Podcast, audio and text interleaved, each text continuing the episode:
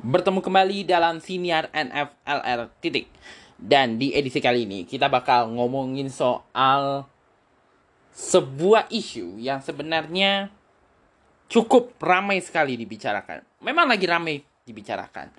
Dan gue rasa lu juga pasti tahu soal isu ini dan cukup mengikuti isu ini. Termasuk gue pribadi.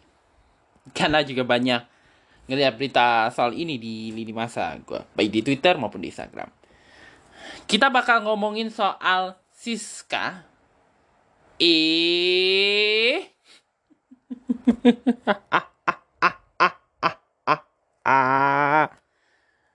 Aduh. Dari namanya aja dulu lucu ya. Siska E. E-nya tiga kali ya, Bo. Uh, aksinya yang mendedahkan aurat di objek vital negara yang mencetuskan polemik yang juga membuat yang bersangkutan berurusan dengan hukum serta perdebatan yang tiada hentinya mengenai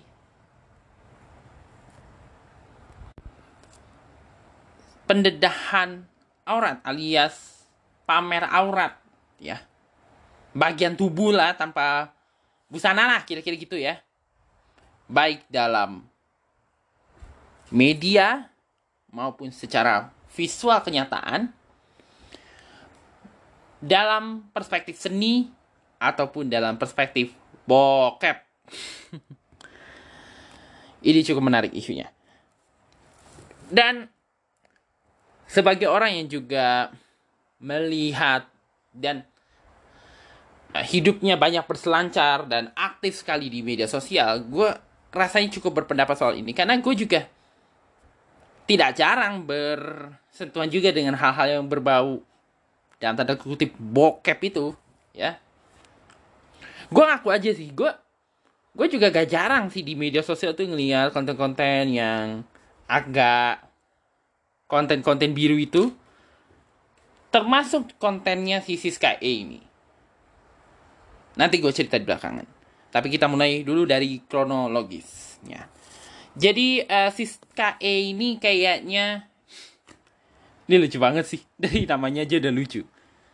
Uh, Siska E atau nama lengkapnya ini berdasarkan yang didapatkan banyak media dan dikutip daripada kepolisian nampaknya ya tentu saja ya. Yaitu sebagai FNC FNC atau FCN kalau gue nggak salah dengar tapi kalau dilihat dari nama Siska kan, Siska E tadi itu kayak Francisca namanya. Tapi tentu polisi tidak boleh mendedahkan identitasnya sebenarnya demi menjaga privasi. Ya bisa aja bukan mustahil beliau ada keluarga juga. Kita tidak tahu atau mungkin dia yatim piatu. Kita tidak tahu. Uh, yang jelas Siska E ini yang biasanya bukan biasanya ya memang dia seorang konten kreator lah, kreator konten, tapi dia kontennya konten bokep, ya, yang dia pamer ketelanjangan lah, kira-kira gitu. Dan sebenarnya gue udah tahu cukup lama soal si Siska ini.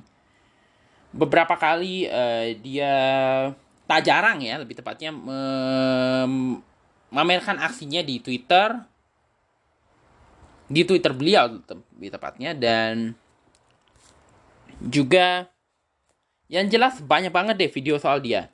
Terutama karena dia juga punya kayak akun gitu, akun semacam OnlyFans lah yang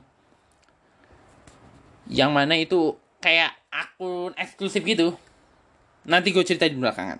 Yang jelas kita ke kasusnya dulu. Jadi sekitar kayak ada kurang lebih seminggu yang lalu uh, media sosial kita uh, heboh.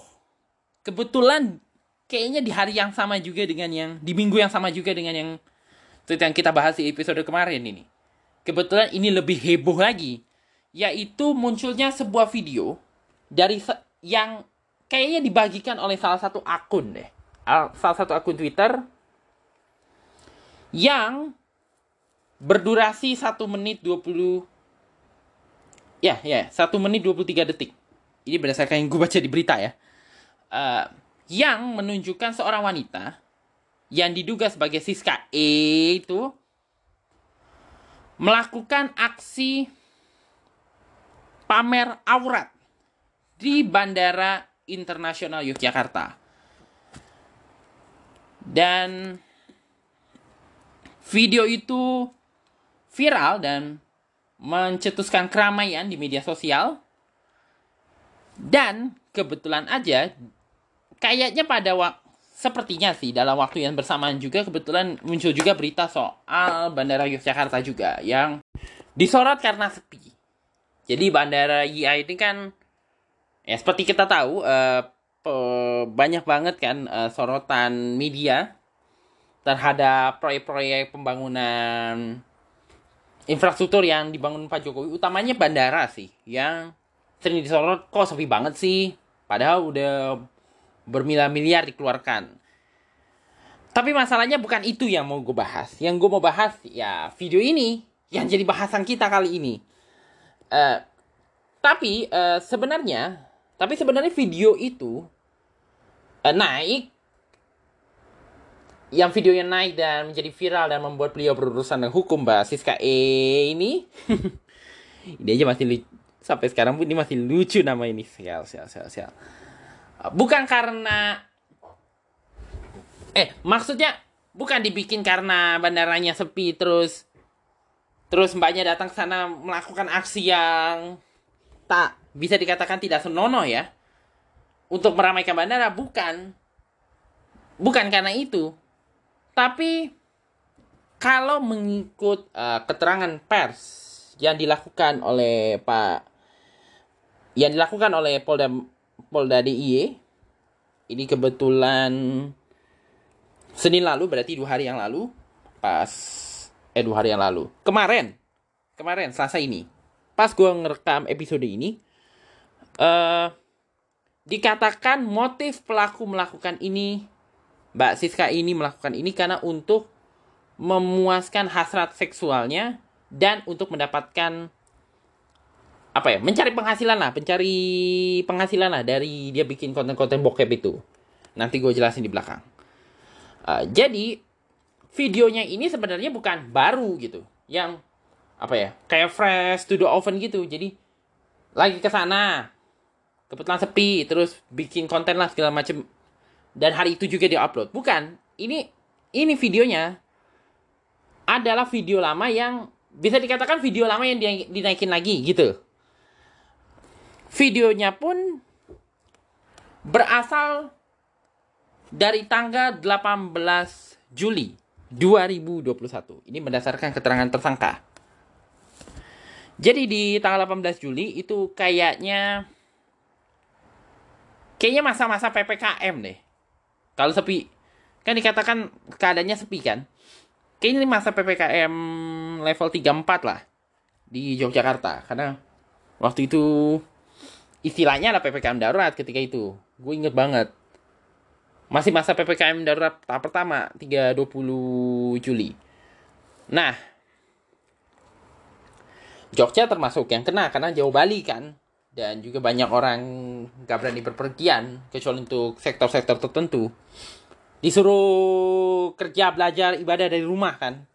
Yang kalau lo tahu ya, yang kita tahu bersama, seperti yang kita tahu bersama, Nah, di hari itu, di pada hari itulah di Bandara JIA itu basis KE datang ke sana.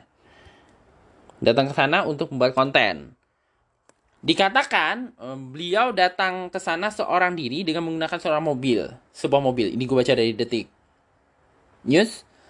Dia sengaja datang ke lantai dua parkir mobil Bandara JIA dengan tujuan untuk membuat konten walaupun walaupun sebenarnya kalau gue pikir-pikir juga soal video ini kayaknya dia nggak sendiri kalau dugaan gue gue feelingnya sih nggak sendiri. Gue nggak tahu karena gue belum nonton lagi video yang heboh itu. Nanti coba lu tengok sendiri deh. Atau siapa pun yang tengok video ini apa ya? Ah dia bikin seorang diri atau ada orang lain yang ikut. Kalau feeling gue mengatakan orang lain ikut juga. Karena gak mungkin dong dia sambil lepas baju, dedah-dedah badan itu sambil megang. Bisa sih, cuma agak susah dikit kalau menurut gue. Untuk rekam-rekaman video kayak gitu.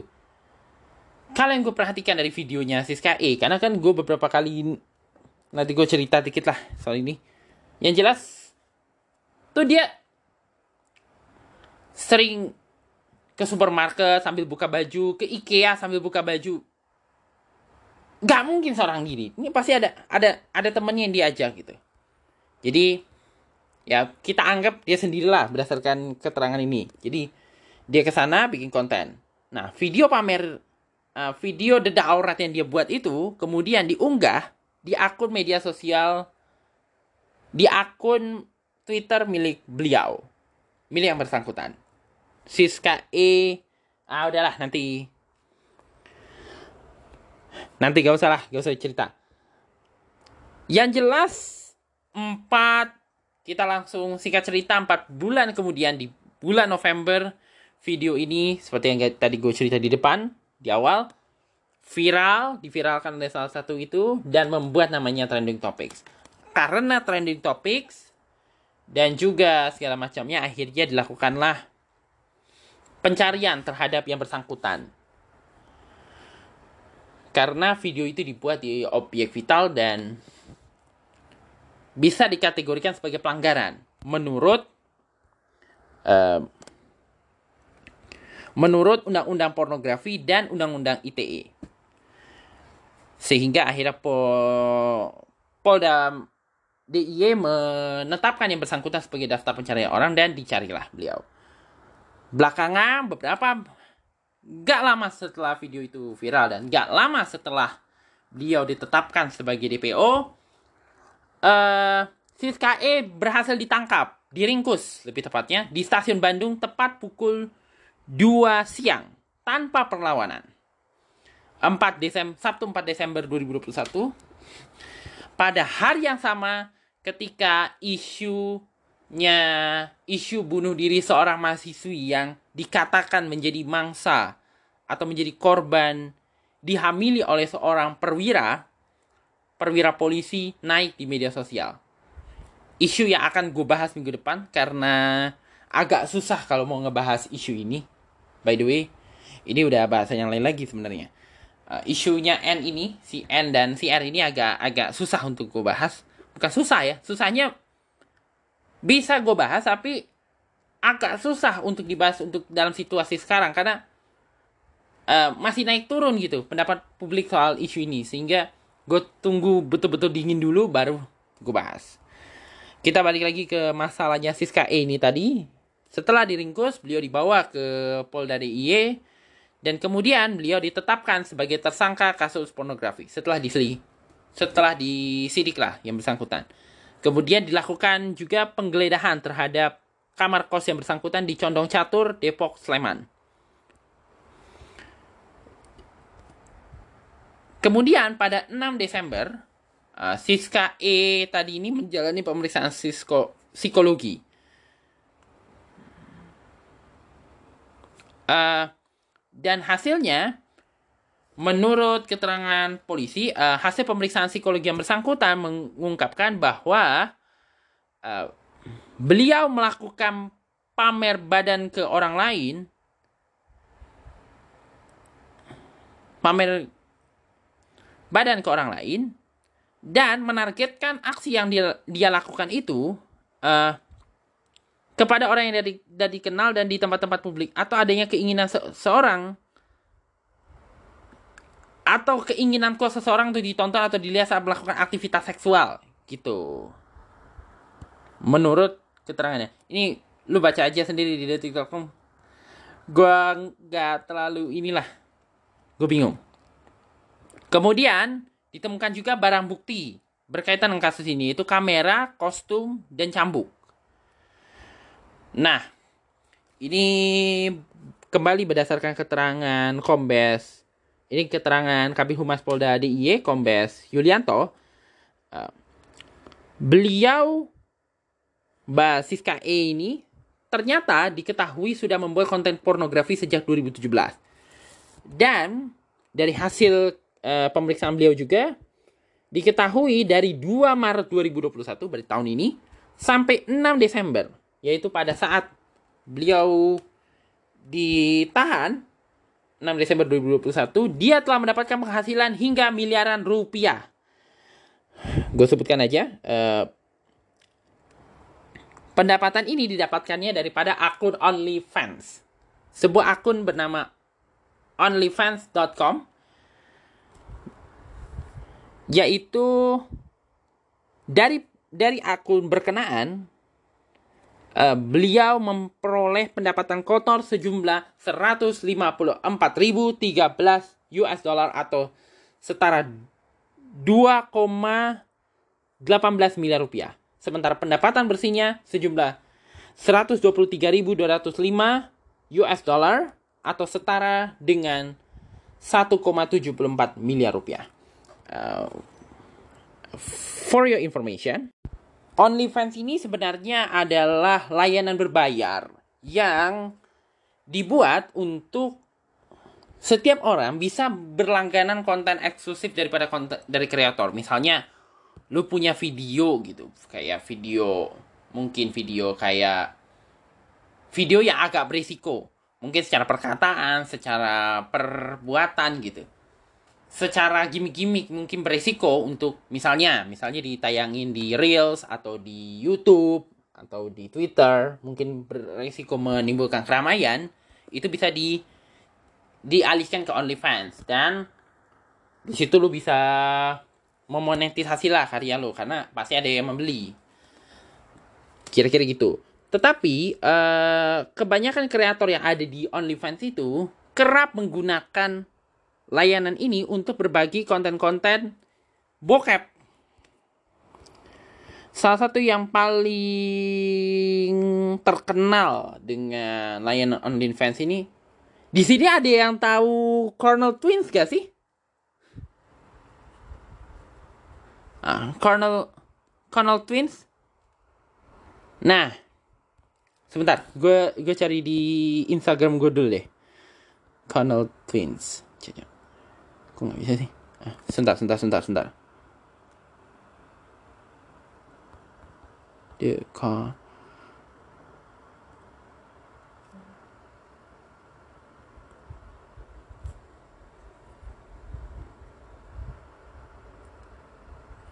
Um, yang jelas Connell Twins ini dia selebgram, selebgram tapi dikatakan sering menjual konten-konten yang agak wadaw itu di platform tersebut dan dikatakan mendapatkan penghasilan fantastis dari aktivitas mereka di platform tersebut. Hal ini tidak terlepas daripada kebijakan OnlyFans yang memang mengizinkan kreatornya mengunggah konten-konten uh, yang agak wadaw itu seperti foto, video ataupun chat. Dan memang memungkinkan juga penggunanya untuk mengunggah konten yang mengandung not safe for work atau NFSW yang sebenarnya uh, mengacu pada konten dewasa yang tidak sepatutnya dikonsumsi oleh publik. Uh, sebenarnya uh, masalah sebenarnya konten-konten kayak gini tuh uh, pada Agustus lalu lebih tepatnya tuh kalau lu denger beritanya OnlyFans sebenarnya sempat berencana untuk apa ya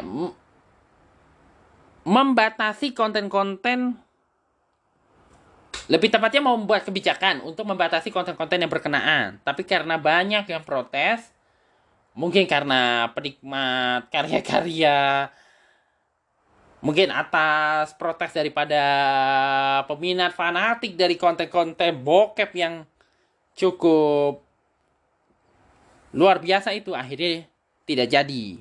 Jadi sebenarnya gue udah tau lama soal Siska E ini. Uh, pertama kali gue tahu Siska E ini kira-kira sekitar 2-3 tahun yang lalu lah. Ya kurang lebih antara 2018-2019 lah. Waktu itu gue tahunya itu gue tahu pertama kali ini di akun utama gue pasti gue ngeliatnya dari akun utama gue akun twitter utama gue yang jelas kalau nggak salah satu tweet deh. Ada satu tweet tentang dia yang akhirnya gue menelusuri siapa Siska E ini sebenarnya. Ini dan videonya itu bukan hanya di Twitter aja sebenarnya. Juga kalau nggak salah banyak banget nih di akun-akun apa ya akun-akun bokep juga banyak banget ini. Video video-video yang dia pamer pamer badan apa ya mendedahkan aurat dia gitu. Ini banyak banget nih telanjang di parkir. Dari telanjang di tempat parkir telanjang di hotel telanjang di lift minimarket segala macam dan video yang tadi itu yang bikin dia sampai akhirnya jadi tersangka itu itu bukan pertama kali aja dia bikin di parkir. Kalau yang gue tahu banyak banget. Termasuk yang dia ngeprank ojol. Gue inget banget ada satu video yang jadi gini. Siskanya tuh biar gue kasih sedikit aja ya mas spoiler aja dikit jadi tuh siskanya itu kayaknya ya, kayaknya lagi mesen makanan. Mesen makanan via ojek daring. Terus ojek daring datang. Tapi disuruh nunggu lama lah. Tiba-tiba setelah setelah persekian detik dia bawa dia bawa baik bawa duit lah buat bayarin itu. Tapi sebenarnya itu cuma kalau yang gue perhatiin itu kayak kayak kedok gitu. Kayak kedok untuk dia pamer auratnya dia ke si bapak-bapak uh, ojek ini. Ah apa ya? Jadi dia kayak kayak gini deh. Dia kayak lagi ke dalam dulu ngambil uang segala macam terus dia buka pintu lagi sambil bilang mas ini ini basisnya bilang ke pak ojol nah ini bayarannya ya. Oh iya terima kasih kata mas ojolnya. Terus banyak bilang ah mas mas ingin lihat sesuatu nggak? Ah, mas mau maksud gak? Gimana ya cara ngejelasinnya ah gini gini. Basis kayaknya saya bilang uh, emang kurang ya mas? Uh, kurang apa mbak? Uangnya kurang gitu.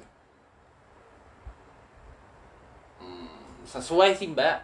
Oh kalau kurang nih. Kalau kurang sambil lepas lepas handuk terus dia liatin badannya. Mau nggak ini bla bla bla bla bla bla segala macam. Itu yang itu itu yang gue tangkap daripada apa yang gue lihat dari videonya Siska E itu lu mesti gue gue sih nggak menyarankan untuk ngeliat ya tapi kalau misalnya lu pengen tahu selengkapnya silahkan. Kalau bisa. Kayaknya sih setelah kejadian ini banyak pak. Kayaknya video-videonya dia udah mulai diturun-turunin deh. Kayaknya ya. Tapi coba gue lihat lagi.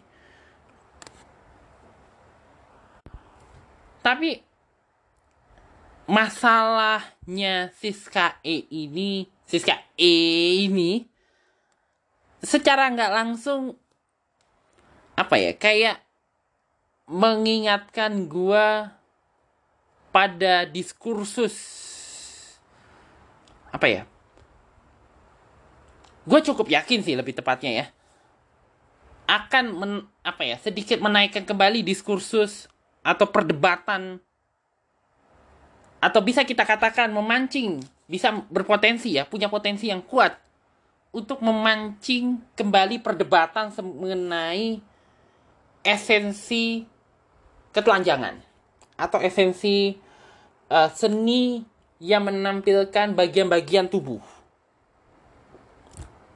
Uh, seni olah tubuh kan bisa, ya seperti kita tahu seni olah tubuh kan bisa dilihat daripada seni yang berkaitan dengan tubuh kan bisa diungkapkan lewat tarian, lewat uh, gerakan-gerakan gitu. Bahkan bukan mustahil fotografi, uh, visual, video segala macam. Kebetulan gue kan juga peminat fotografi ya. Gue cukup apa ya lagi mempelajari juga tentang fotografi. Dan gue juga memperhatikan perdebatan soal ini, soal rasa, soal selera publik mengenai fotografi. Terutama yang berkaitan dengan foto-foto yang nudis atau foto-foto yang uh, menunjukkan bagian-bagiannya topless atau foto wanita atau lelaki yang tanpa sehelai benang sedikit bahkan pakaian dalam uh, tanpa sehelai benang sama ada dengan pakaian dalam maupun tidak mengenakan pakaian dalam dalam sama sekali. Itu aja masih ada perdebatan soal terutama penilaian antara ketelanjangan itu atau dedah aurat itu sebagai seni dan sebagai apa ya sebagai gue mau pakai kata pornografi itu agak agak aneh menurut gue sebagai ya lu mau ngerangsang orang untuk untuk uh, mainin burung ya gitu. Atau mainin di gue takut lagi mau ngomong ini. Mau mainin lubang buayanya gitu kan perdebatan itu nggak habis-habis. Dan mungkin perdebatannya bukan hanya di hari-hari ini aja bahkan dari dulu. Gue gue pernah denger satu cerita yaitu soal uh, cover majalah sebuah cover majalah yang mencetuskan perdebatan yang luar biasa.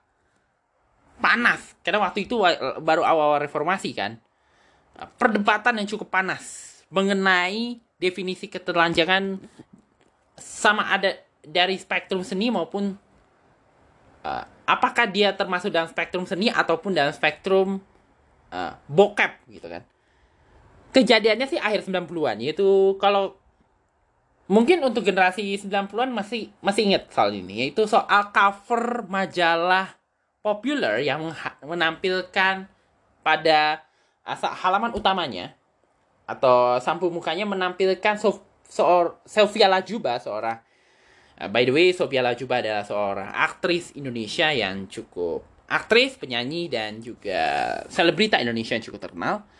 Uh, di sampul mukanya populer itu dia tampil kayak tanpa selai benang. Jadi dia duduk gitu, nggak pakai baju tapi menutupi semua bagian-bagian tubuhnya dengan kaki gitu. Dan kakinya tuh jajar genjang.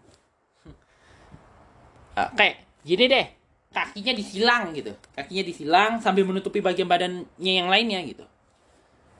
Itu menjadi sampul muka cuma sebuah sampul muka. Bisa mencetuskan perdebatan luar biasa. Bahkan Bang Karni Ilyas sampai membawa masalah ini ke forum ILC dulu dikenalnya Jakarta Lawyers Club.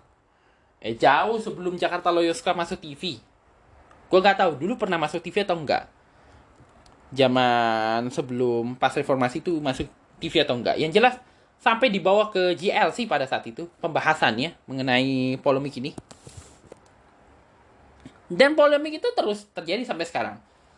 Bahkan ada beberapa kali gue ngeliat postingan beberapa fotografer atau model foto yang uh, menekuni atau terlibat dalam dunia foto topless yang mengeluhkan karyanya kerap dihapus oleh Instagram karena karena dianggap melanggar panduan komunitas.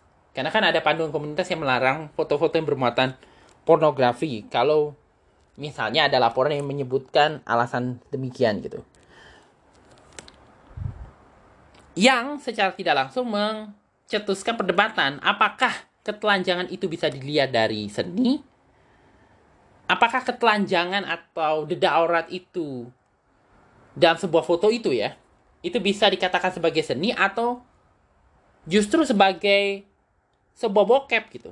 Sebuah pendedahan aurat untuk merangsang memberi rangsang mencetuskan rangsangan seksual kepada yang melihat. Dan gue jujur sebagai orang yang meminati fotografi juga lagi mengamati soal ini, lagi mendalami soal banyak jenis-jenis fotografi. Dan kalau gue boleh jujur, kalau misalkan gue satu saat nanti menseriusi dunia fotografi, dan terdapat banyak sekali spektrum dunia fotografi. Seperti yang lo tahu, uh, fotografi kan banyak jenisnya. Ada fotografi landscape, uh, fotografi jalanan, street fotografi, yang cukup banyak sekali. Uh, cukup banyak peminatnya dan juga cukup beragam postingannya. Terusnya ada portrait fotografi termasuk kayak prewedding, uh, foto model dan segala macam. Dan banyak lagi, termasuk nature photography, sport photography dan lain. Termasuk juga musik fotografi di situ juga.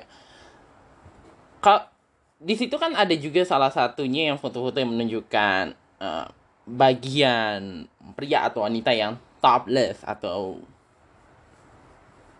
panjang gitu ataupun berpakaian dan sebaliknya gitu kan kalau disuruh memilih bukan disuruh memilih ya kalau disuruh jujur salah satu di antara yang kayaknya gue belum bisa deh untuk ke arah situ tuh topless fotografi. Fotografi yang mengharuskan modelnya itu untuk tampil tanpa busana gitu. Gue nggak bisa karena satu gue nggak siap. Kedua keadaan lingkungan gue juga tidak memungkinkan untuk gue bikin itu. Ketiga ini sih gue sendiri. Faktornya dari gue sendiri. Gue gue takut untuk melakukan pelecehan. Pernah gak sih lu denger kayak cerita yang bukan cerita ya berita atau informasi yang tentang fotografer yang melecehkan modelnya sendiri model fotografinya atau karena rangsangan tertentu akhirnya melakukan kayak pemerkosaan gitu. Pasti denger kan yang kayak gitu. Jadi gue tuh belum berani sampai ke situ. Dan kayaknya mentalnya perlu dilatih. Kalau misalnya gue mau ke arah situ. Tapi kayaknya gak akan ke situ juga gitu. Jadi maksud gue gini uh, publik aja itu masih masih berbelah bagi soal masalah. Bukan berbelah bagi ya. Masih istilahnya itu masih berdebat lah soal hal ini. Tentu soal selera bisa karena kenyamanan, bisa juga karena ideologi. Karena kan ada beberapa agama di dunia yang sangat tidak membenarkan ketelanjangan kecuali dalam hal yang ya udahlah ya. Sehingga menunjukkan aurat itu menjadi sesuatu yang bisa dikatakan apa ya, bisa disifatkan sebagai tindakan dosa dalam ajaran agama apa pun sih kayaknya di beberapa agama gitu termasuk Islam tetapi bagi kelompok seni dia tuh kayak semacam sebuah inspirasi. Makanya ada patung yang wanita yang gak pakai busana ada patung lelaki tanpa busana ada diorama yang menunjukkan wanita tapi dari masa lalu ya dari zaman dulu dari zaman yang lalu. Udah silam lah yang uh, zaman itu memang belum berpakaian gitu. Kan banyak tuh. Juga ada yang kelihatan auratnya gitu. Sambil dansa seperti yang sering gue lihat tuh di Pondok Indah salah satunya. Dan juga nggak sedikit yang dalam bentuk visual gambar. Baik visual video visual video bisa dalam bentuk film salah satunya. Film series yang terdapat adegan-adegan yang agak itu dan visualisasi pria dan wanitanya insannya sedemikian di situ dalam seni sebagai bentuk ekspresi kesenian. Juga ada tarian yang juga seperti itu. Dan juga foto yang tadi gue cerita. Tapi juga ada tidak sedikit malah yang menggunakan ketelanjangan atau mendedahkan auratnya itu sekedar untuk nyari keuntungan. Kayak kasusnya Siska ini dia aku bahkan diakui sendiri oleh pelakunya adalah untuk mencari keuntungan dan rasanya bukan hanya dia aja banyak banget di jaga Twitter di jaga mungkin Instagram juga kali. Tapi karena Instagram tuh kebijakannya agak agak kasar dikit jadi kayaknya sukar. Sehingga dikatakan Twitter lebih aman walaupun tidak juga sebenarnya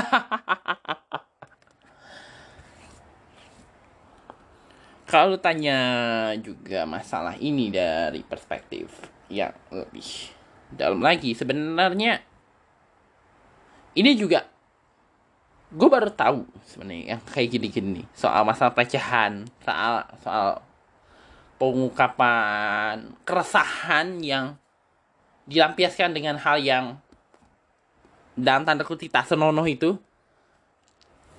Juga ada faktor mungkin bukan mustahil ya. Faktor mental. Mental problem gitu. Masalah mentalnya dia. Mungkin karena ingin dilihat orang gitu kan. Bahwa eh gue punya punya bagian tubuh yang wow banget nih. Lu pasti suka gitu dan sebagainya. Hal yang gue cukup yakin terjadi pada mereka yang mempertontonkan auratnya dalam video gitu karena ada keresahan yang ini banget lah soal hal demikian Walaupun secara etika mungkin menyalahi, tetapi itu menurut mereka ya sebagai tempat pelampiasan. Walaupun menurut gue nggak bisa kita menganggap itu juga sebagai pelampiasan. Banyak kok tempat pelampiasan untuk mengining keresahan. Kalau di agama gue, cara misalnya ini di agama gue, cara untuk menahan diri daripada melampiaskan nafsu yang berlebihan itu ini yang gue sering denger ya, adalah dengan berpuasa.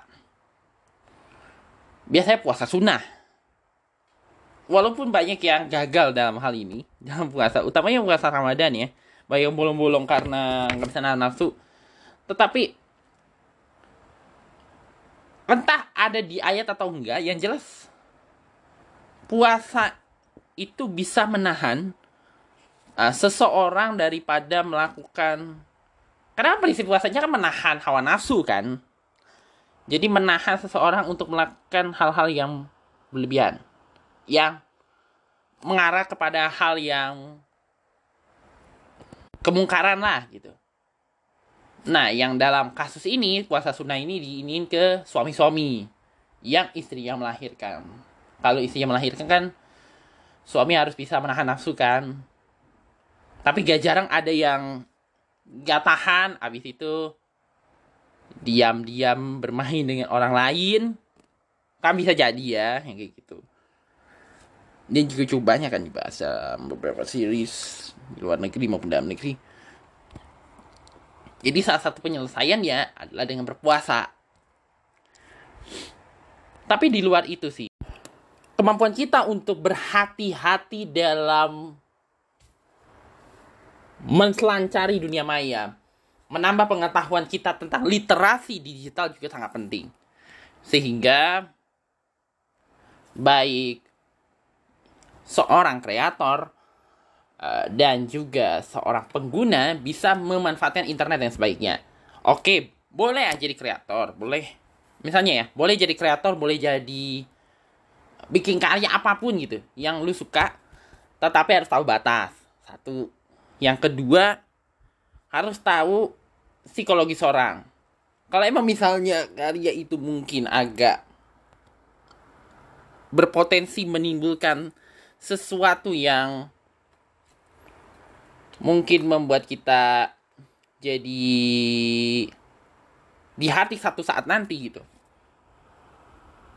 Lebih baik menetapkan diri untuk tidak melakukan. Sesuatu yang juga gue cukup gue juga cukup yakin gue juga mengalami itu. Dan lu juga mengalami itu ketika menekuni dunia kreator gitu. Jadi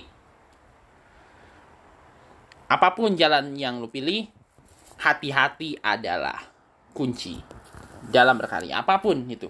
Lu mau karya seni apa pun itu. Fotografi film visual gitu. Visual suara kayak yang gue lakukan dan sebagainya.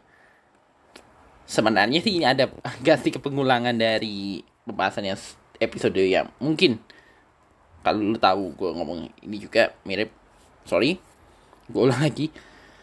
Yang jelas sebagai kreator yang berselancar di dunia digital kehati-hatian adalah kunci jangan sampai uh, ke apa ya keengganan kita, ketidaktahuan kita atau kepura-puraan tidak tahuan kita atas eh, batasan-batasan itu yang membuat kita nantinya malah jadi terjerat oleh kemarahan digital. Sebuah istilah yang gue gunakan untuk netizen-netizen yang gak bisa terima atas hal yang tidak pantas lah di media sosial. Jadi berbijaklah dalam berkarya. Bijaklah dalam berkarya, betul juga. Dan itu pembahasan gue untuk edisi kali ini. Sampai berjumpa kembali di siniar NFLR. Titik episode berikutnya. Bye.